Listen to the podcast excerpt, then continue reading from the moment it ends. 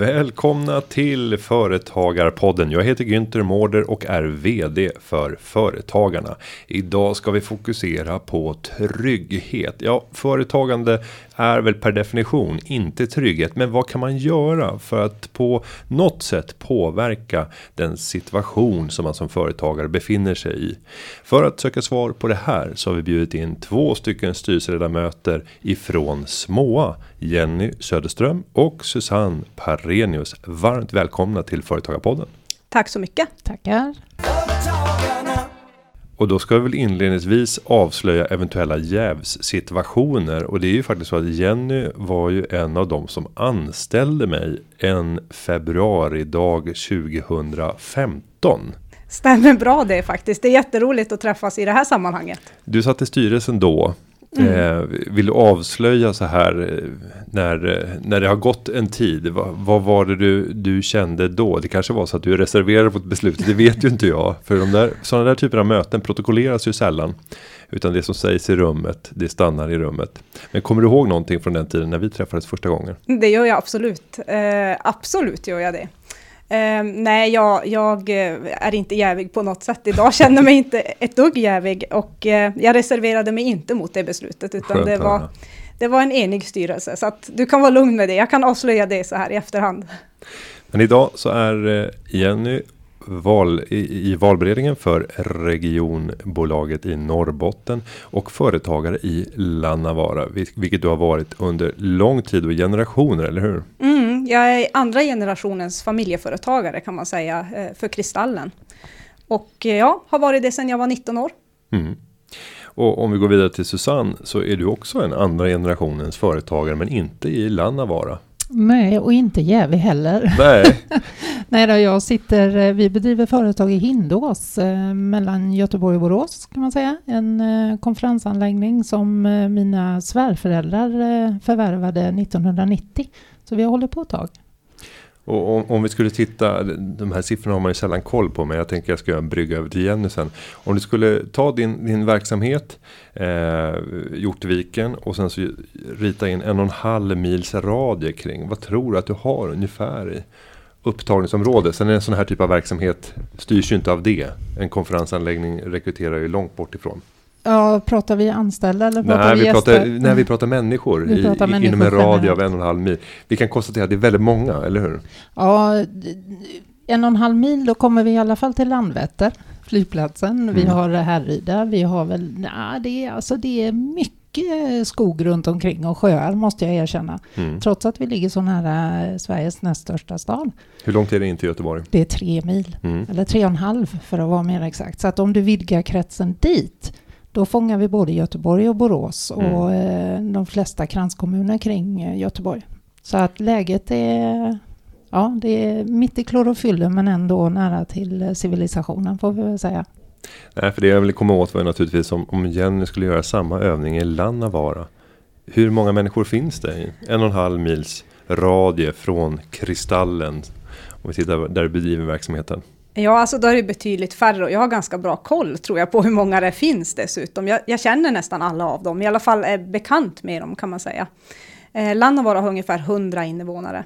Och om man då drar en radie en och en halv mil runt så skulle jag säga att ja, vi kanske kommer upp i max 300 pers skulle mm. jag säga. Oj. För att förstå lite skillnaden i, i att bedriva verksamhet på olika platser. Eh, det är väsensskilt. Men om vi då tittar på att bedriva verksamhet på en eh, väldigt liten ort. Hur gör man för att överhuvudtaget lyckas när kundunderlaget inte är så överdrivet stort i sitt närområde? Jag skulle säga att man måste ha en verksamhet som är av sån art att man faktiskt drar folk till sig. Eh, jag kan ju inte räkna med att de där 300, väl, även om jag skulle ha alla de som kunder så kanske inte det hade hjälpt, utan jag måste ju vidga mina vyer. Så att det vi har gjort är att, att vi har nischat oss och eh, jobbar med en väldigt stor marknad kan man säga. Plus att eh, jag skulle säga också att när man är eh, på en sån liten plats så måste man vara ganska flexibel och ha lite fler ben än ett att stå på. Så det skulle jag säga är nycklarna. Och vilka är de olika benen för din del? Då skulle jag säga idag är det fastigheter, det är turism, det är utbildning och det är produktion. Mm. Och nu nämnde du ju inte eh, Kristallens huvudsakliga verksamhet. speciellt Nej. tydligt. Nej, ja, vi, jobbar med, ja, vi jobbar med stenar och metall, alltså guldsmide, gemologi som betyder läran om ädelstenar. Mm. Mm. Eh, om vi går över till eh, Susanne, i din verksamhet, hur skulle du beskriva den? Ja, den är ju väldigt mer eh, specifik, lite mer eh, fokuserad eh, på just konferenser, möten, eh, business to business, företag eh, kommer till oss, organisationer, eh, myndigheter och håller förhoppningsvis väldigt kloka och bra möten som gör att eh, de kan driva sin verksamhet framåt på ett bra sätt. Men vi står bara på ett ben så att, eh, och vi har ju en enorm konkurrens å andra sidan så att vi är väldigt eh, konkurrensutsatta. Vi är ju inte de enda i Västra Götaland som har konferensanläggning så att eh, vi behöver vara otroligt bra på det benet vi står på. Men vi har valt att vara väldigt tydliga med vår profil och inte bredda oss så särskilt mycket utan vi är väldigt fokuserade då och raggar kunder på det sättet. Om vi då tittar på hur kunderna hittar till er så kan jag tänka mig att det är två huvudsakliga principer. Antingen så letar man själv som företag efter eh, lokaler som man kan använda för sina möten. Eller så går man till någon typ av bokningstjänst eller bokningsbyrå. Eh, och när man gör det själv så är det allt vanligare, misstänker jag idag, att man går ut och sonderar på webben och börjar konkurrensutsätta fler anläggningar mot varandra. Hur har verkligheten förändrats? Om du jämför idag med hur det var att driva bolaget för 20 år sedan? Oj, det är väsensskillnad. Mm. Alltså för 20 år sedan så satt jag och klippte och klistrade ihop en hemsida eh, och la ut som var helt stationär. Jag var tvungen att tänka till innan för att eh, ändra och greja var ju jättesvårt. Idag är det ju snabba puckar som gäller. Alltså det är bokning online, det är eh, vara där du syns bäst, eh, försöka vara klok i hur man bedriver sin marknadsföring så att man satsar på rätt hästar. Varje lagd krona ska helst generera två tillbaka och bara att hålla kunskapsnivån som företagare idag är en utmaning för att det går så otroligt snabbt. Eh, och eh, det, det, är lätt att man blir frånsprungen. Och samtidigt så tror jag att man ska vara väldigt eh, eh, vad ska man säga, väldigt eh, noga med vad man har för budskap ut till marknaden så att man verkligen försöker hitta ett sätt att synas och höras i bruset. För det är mycket brus idag. Och skulle du säga att det har blivit högre inträdesbarriärer för att bedriva till exempel konferensanläggningsverksamhet idag? Alltså vi, jag vågar ju knappt nämna regelverket som ligger hos oss. Jag menar, vi, är ju, vi har ju både hotelldelen och restaurangdelen och eh, hela eh, arbetsgivarsidan med arbetsmiljöansvar som du har brandskyddsansvar. Alltså för att få tillstånd idag för att bedriva en hotell och konferensverksamhet så eh, måste du nog nästan vara jurist skulle jag tro, bara för att hitta i djungeln av, eh, av regler som, som det för med sig tillstånd, kontakt med myndigheter, det är, det är, ja, det är ett heltidsjobb kan jag ju säga utan vidare. Mm. Och där kan vi väl passa på att eh, bara återupprepa det arbete som vi gör under hösten här.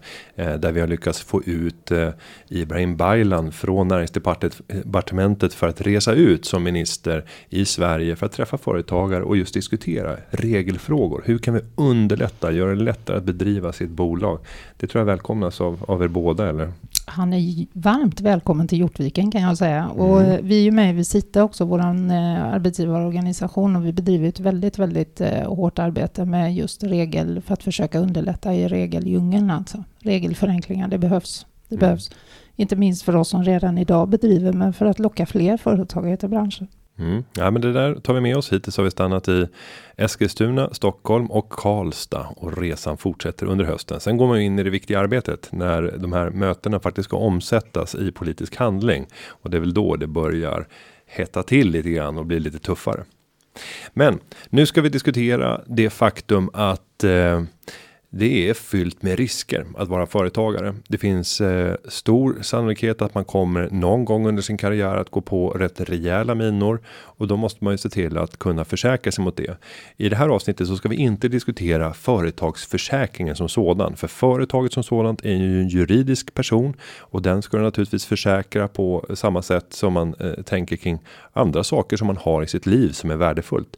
Men nu ska vi titta på dig som företagare och fundera på dig som som eh, företagare i relation till ditt eget bolag. Hur kan man minimera riskerna? i livet som företagare? Vad skulle ni säga då? Eh, ja, jag tycker det är viktigt för det första att man minimerar riskerna därför att eh, vi vill ju att fler ska bli företagare och att man ska våga ta det klivet. Eh, och det är mycket därför jag har engagerat mig i små. Eh, just därför att det känns som att det är ett sätt att minimera risken. Att man vet att om någonting går helt galet så finns det en möjlighet att, att eh, kunna få en inkomst eh, även då. Eh, en, en a-kassa helt enkelt för småföretagare. Mm. Eh, och det tycker jag är jätteviktigt. Eh, att, det, att det finns en sån lösning. För att generellt så får man ju säga så att som företagare så är man eh, mycket, mycket mindre skyddad än, än vad man är som anställd. Och det är inte självklart att man har det, ja, det skyddsnätet som finns runt en anställd. Eh, och det måste man tänka på när man går in som företagare, att man måste se till att vara skyddad själv. Att man tänker det steget. För som anställd så blir man liksom det automatiskt. Men det blir man inte som företagare och därför tycker jag att det är väldigt viktigt att prata just försäkring för företagare.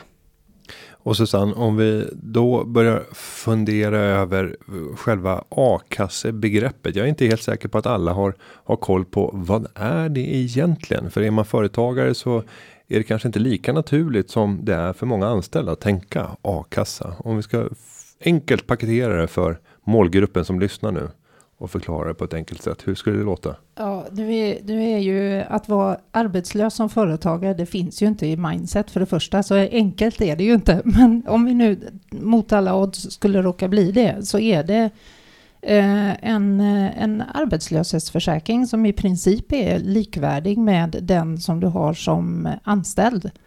Eh, skillnaden är att man kanske inte tänker på den på samma sätt. För som anställd kanske man har en facklig organisation där en a-kassedel ingår. Men som småföretagare eller företagare så måste du ju själv ta ett aktivt beslut att leta upp en, en arbetslöshetsförsäkring helt enkelt. För det är det det handlar om.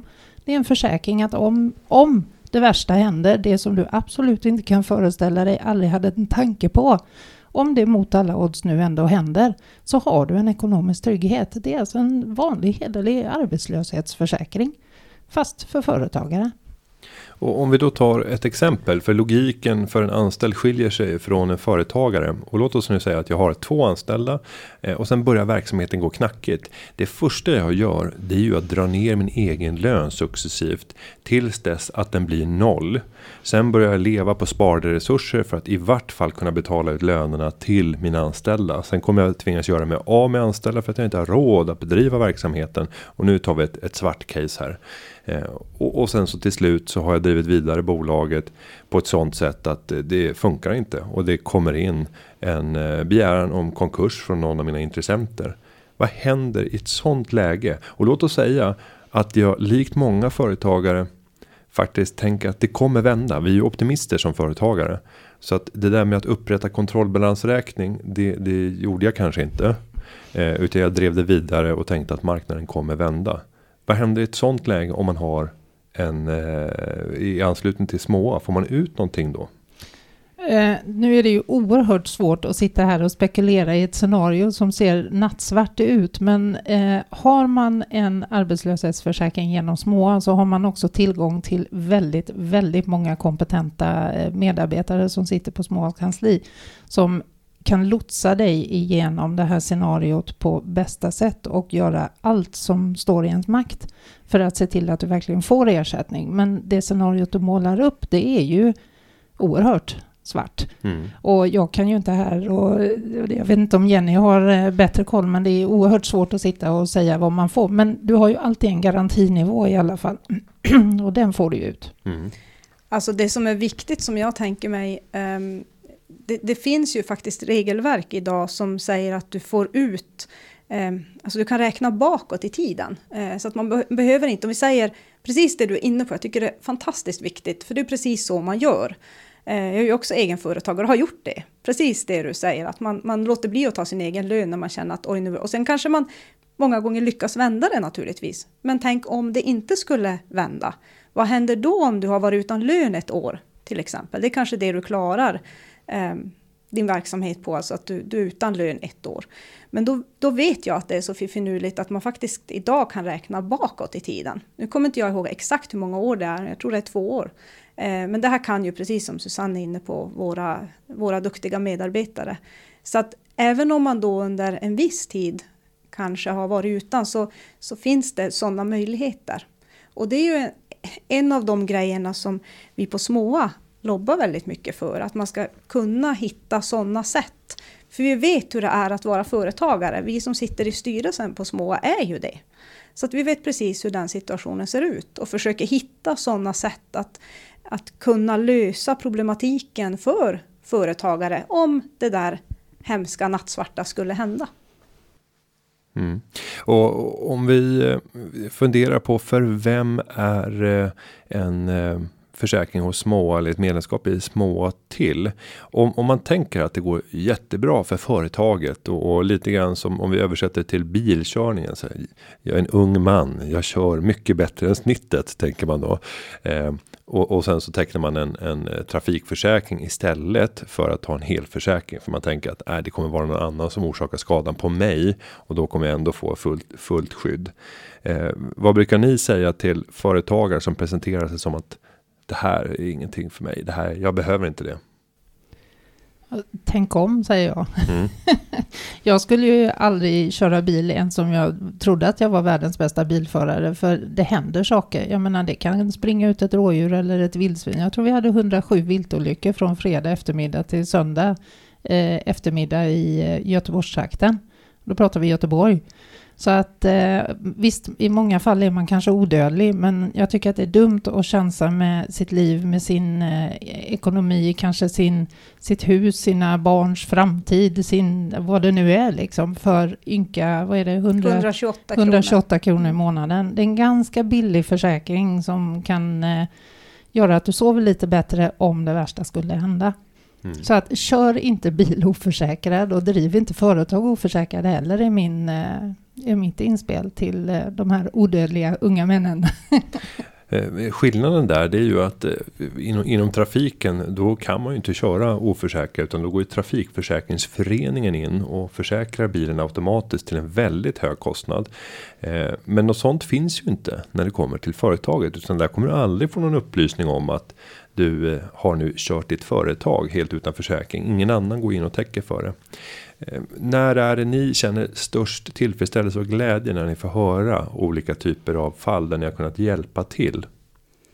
Ja, men det är ju alla de här fallen när det har varit precis det du är inne på, där det har varit besvärligt och man kanske har kunnat hjälpa en företagare att komma ur det och kanske bli företagare igen. För man måste ju faktiskt inte. Det är också, tycker jag, en viktig del i det hela som jag tror att många företagare kanske tror att man faktiskt måste helt konkursa och, och alltså lägga ner helt och hållet sin verksamhet.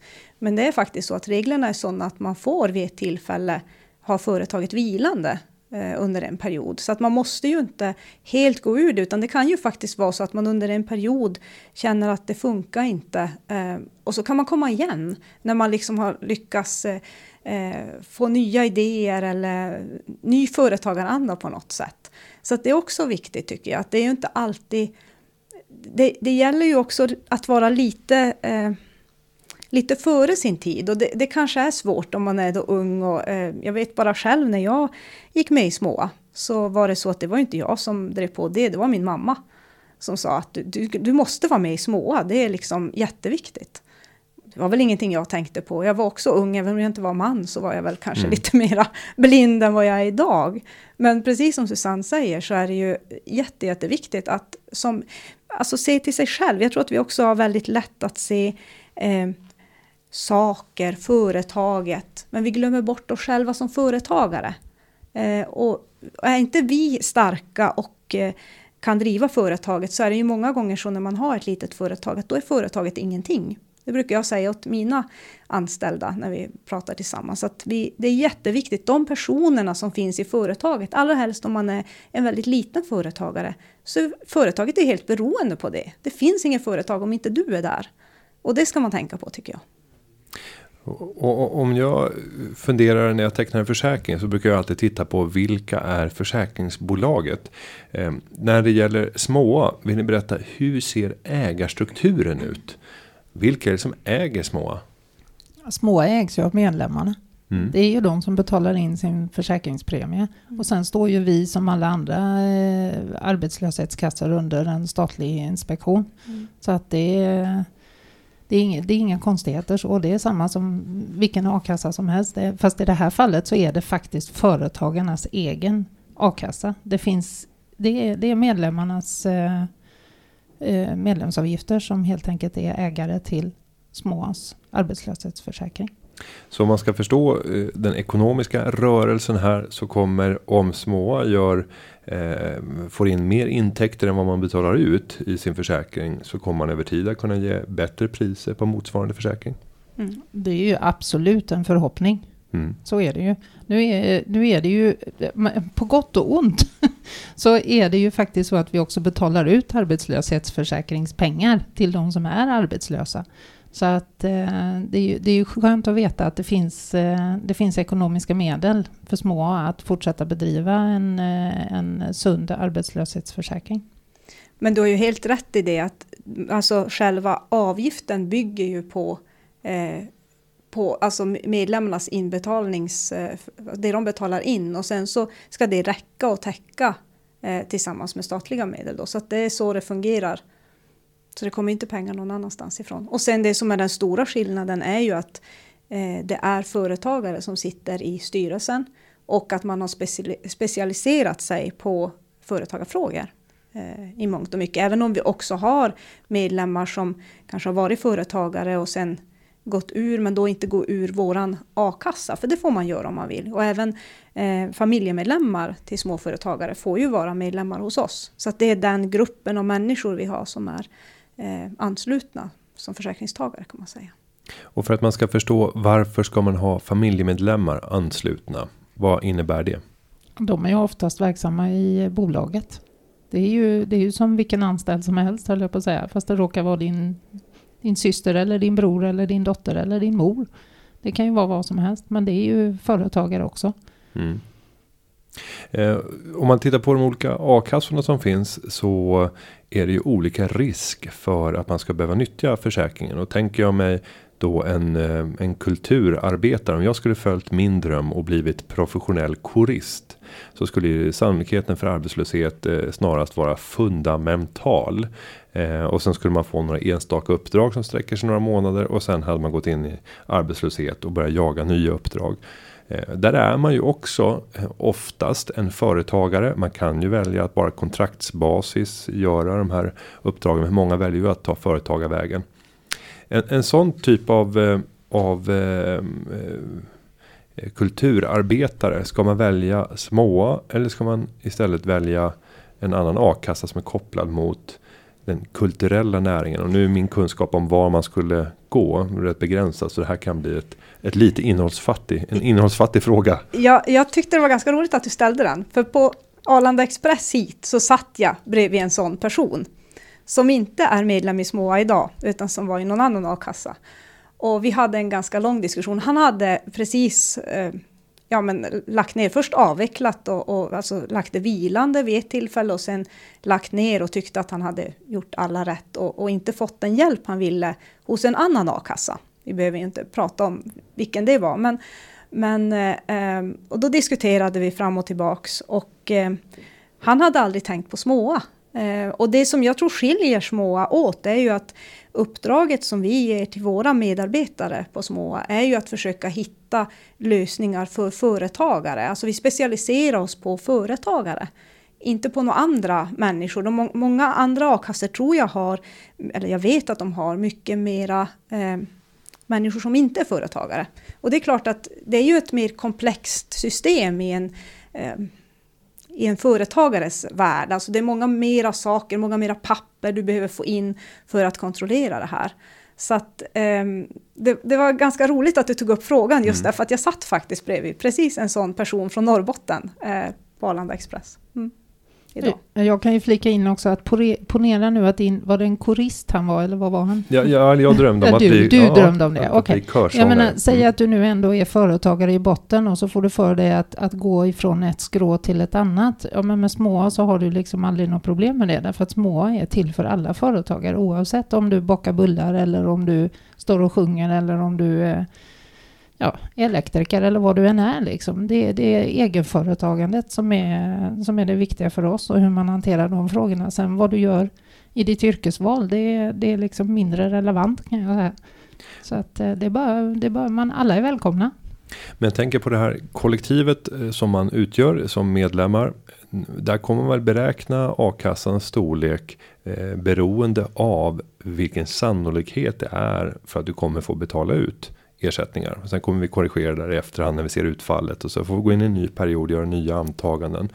Eh, men det där skulle ju kunna leda till att man vill ha den typen av eh, medlemmar som har låg sannolikhet för att nyttja försäkringen. För att på så sätt kunna bli ännu mer attraktiv och kunna erbjuda den överlägset billigaste a-kassan.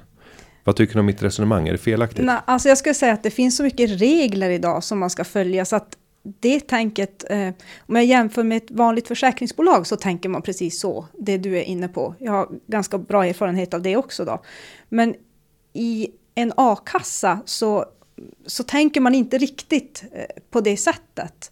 Um, och jag vet inte riktigt hur jag ska förklara, men, men du, du um, Alltså sannolikheten att du ska bli arbetslös, du, du har så otroligt mycket regelverk runt omkring det där. Så att eh, det finns så mycket saker du måste följa det ett visst antal gånger. Du, du, kan, inte, du kan lägga företaget vilande en gång, du, du måste avveckla det nästa gång och så vidare. Alltså det finns ett, ett helt regelverk runt det där som gör att det blir mycket mer komplext än bara en vanlig försäkring skulle jag säga. Mm. Mm. Eh, och om vi ska titta på andra parametrar som man kan fylla upp med. Eh, så finns det ju även inkomstförsäkringar. Eh, och där erbjuder ni en sån. Den erbjuds också på den privata öppna marknaden. Vad är fördelen med att kombinera att ha småas, a-kassa och en inkomstförsäkring? Och det är ju för att du har möjlighet att täcka upp din, eh, din lön om du skulle bli arbetslös. För att eh, dagsersättningen som du får, den kanske är, du, du kanske är oerhört framgångsrik som företagare. Men av någon anledning så ja, blir du uppköpt eller eh, din värsta konkurrent går in och snor hela din marknadsandel och så står du där men du har ändå varit framgångsrik under väldigt många år. Och då finns det en möjlighet att täcka upp eh, a-kassan med en inkomstförsäkring som ger dig en betydligt högre ersättning. Och då, då går du ju in och aktivt tecknar en extra försäkring så att säga utöver a-kassan. Men eh, det, det är det nog väl, väl värt att göra i vissa fall kan jag tänka. Man kan ju också använda den åt andra hållet tänker jag. Om man, om man, alltså om man är, inte har tagit ut lön ordentligt så, så går det ju att täcka upp kanske på det sättet också.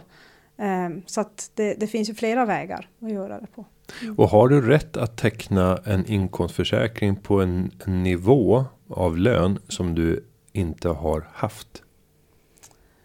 Jag kan inte reglerna helt mm. okej okay, hur, hur det Jag vet att man kan räkna tillbaks utan det är våra medarbetare som är bäst på det där. Så där skulle jag inte våga svara riktigt faktiskt. Jag tror inte Susanne, jag tittar på henne så ser det ut som att hon också är lite så här eh, i gråzonen där. Så där kan det nog bli fel om vi svarar. Vi är mm. inte så djupt eh, nere och grottar i regelverket.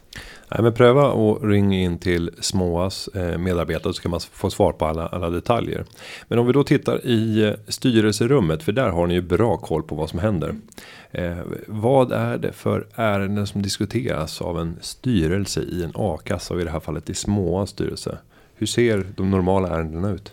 Eh, ja, dels är det ju, har vi ju, man ska säga, vi har valt att ta vissa omprövningsärenden, för det händer ju att eh, folk överklagar, att företagarna överklagar ett beslut som de får till exempel, därför att de tycker att de har blivit felaktigt behandlade. Om du inte betalar, och det är ju likadant för oss som i alla försäkringar, man måste betala sin a-kasseavgift.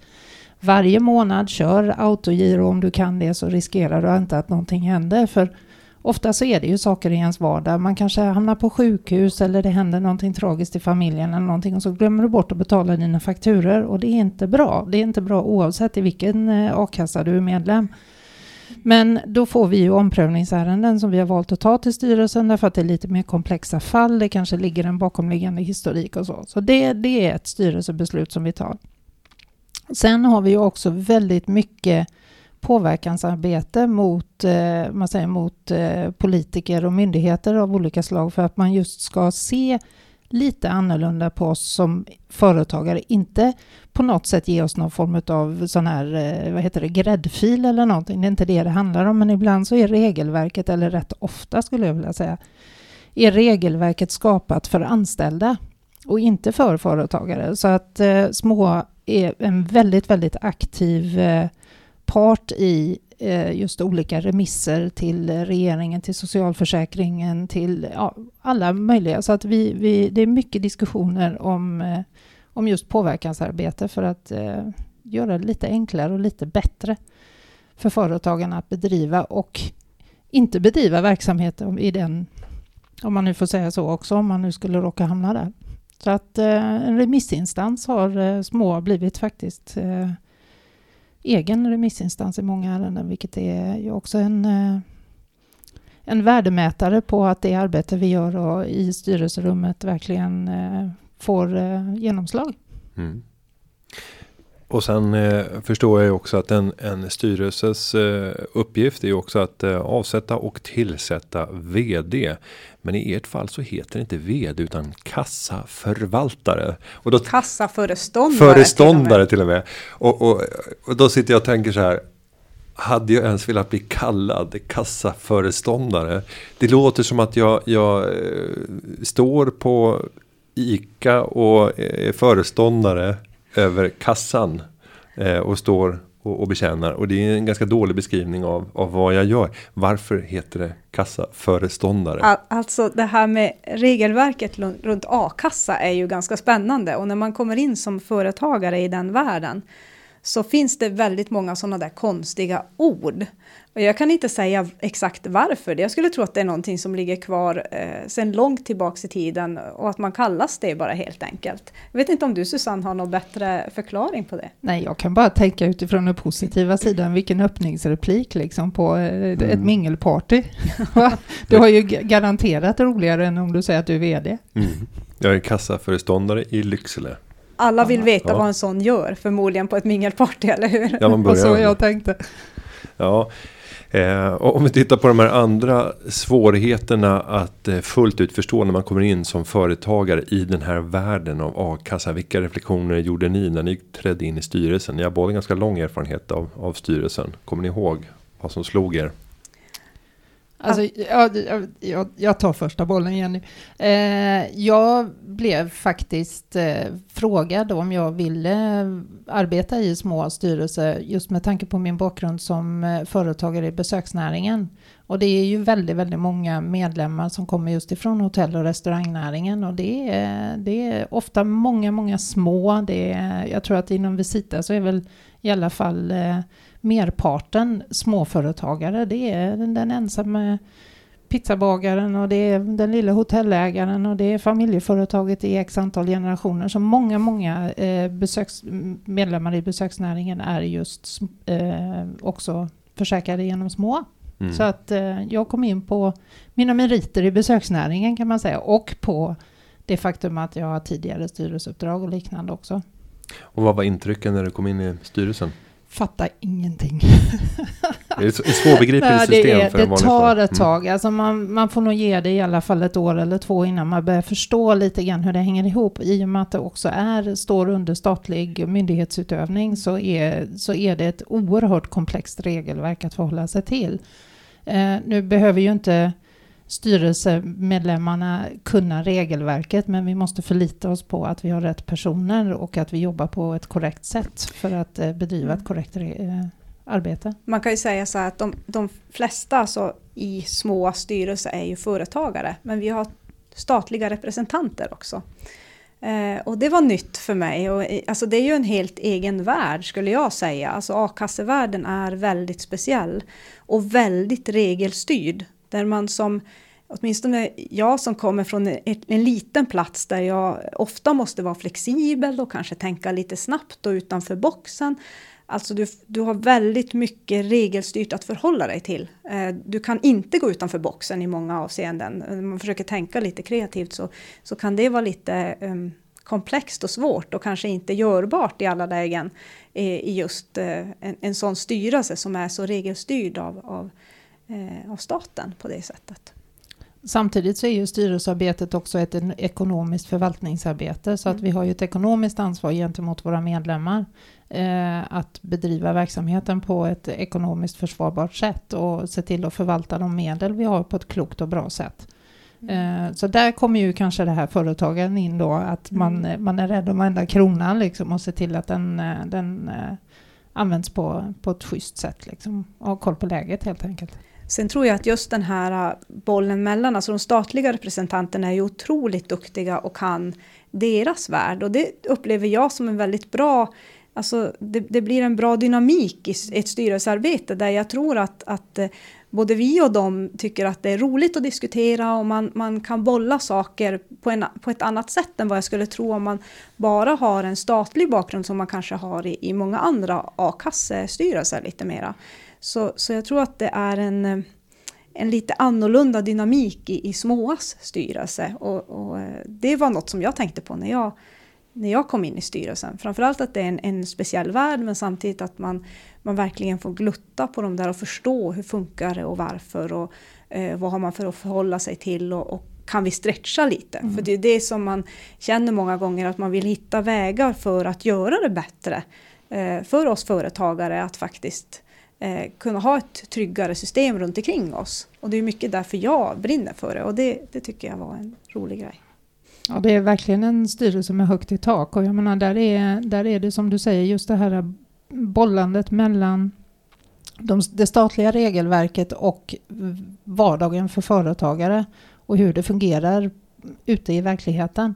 Den är, den är oerhört stimulerande för man tänker annars att man kommer in i en styrelse som är helt reglerad och vad, vad kan jag tillföra? Men det är faktiskt oerhört intressanta och bra diskussioner eh, till gagn för medlemmarna. Mm. Ja, men en uppmaning till dig som företagare nu det är att se över hela ditt skydd. Att bedriva verksamhet innebär risktagande och du ska ta risker i din verksamhet. Eh, för det är det avgörande för att kunna få en avkastning. Men sen att titta vad har jag för skydd om den risk som jag tar leder till ett utfall som inte är önskat eller ens förväntat. Eh, titta då på vad innebär det för mig som företagare? Där kan det behövas ett skydd i form av en eh, a-kassa och då är små a till för företagare. Tittar man vidare sen på företaget konkurrensutsätt eh, företagarnas garantförsäkring. Gå in och titta på företagarna garant som företagsförsäkring. Titta på andra och jämför. Jag vill tro att det är konkurrenskraftigt för vi handlar varje år upp ungefär 40 000 försäkringar. Eh, sen har du ju även dina anställda och fundera över vad har jag för skydd gentemot mina anställda. Där finns det även företagarna garant anställd. Eh, konkurrensutsätt den också och titta att du har ett, ett eh, fullgott skydd och också att du får ett bra pris. Med det, har ni något sista tillägg till lyssnarna? Nej, bara precis att tänk efter och var lite, även om det går bra och man känner att, att eh, man är på banan och man inte tror att det ska hända. Så tänk verkligen på precis det du sa, de orden. Tänk efter, var, var är jag oskyddad? Hur kan jag göra det tryggare för mig att driva företag? Mm. Ja, jag skulle vilja säga att eh, är du anställd idag, var inte orolig för att gå in och starta bolag, för det behöver vi många. Och det finns skydd, det finns försäkringar och även om det är lite halt ute på vägarna så eh, är det väldigt, väldigt roligt att driva företag och köra bil bara man är försäkrad. Mm. Mm. Med de kloka orden så säger vi stort tack till Jenny Söderström och Susanne Parenius. Tack ska du ha. Tack själv. Och jag ska säga att podden den har förberetts av David Hagen och klippningen den är gjord av Linda Aunan Edvall. Vi hörs igen nästa vecka. Ha det så gott. Hej då! Företagarna Ja, ja, ja, ja, ja, ja Företagarna Ja, ja, ja, ja, ja, ja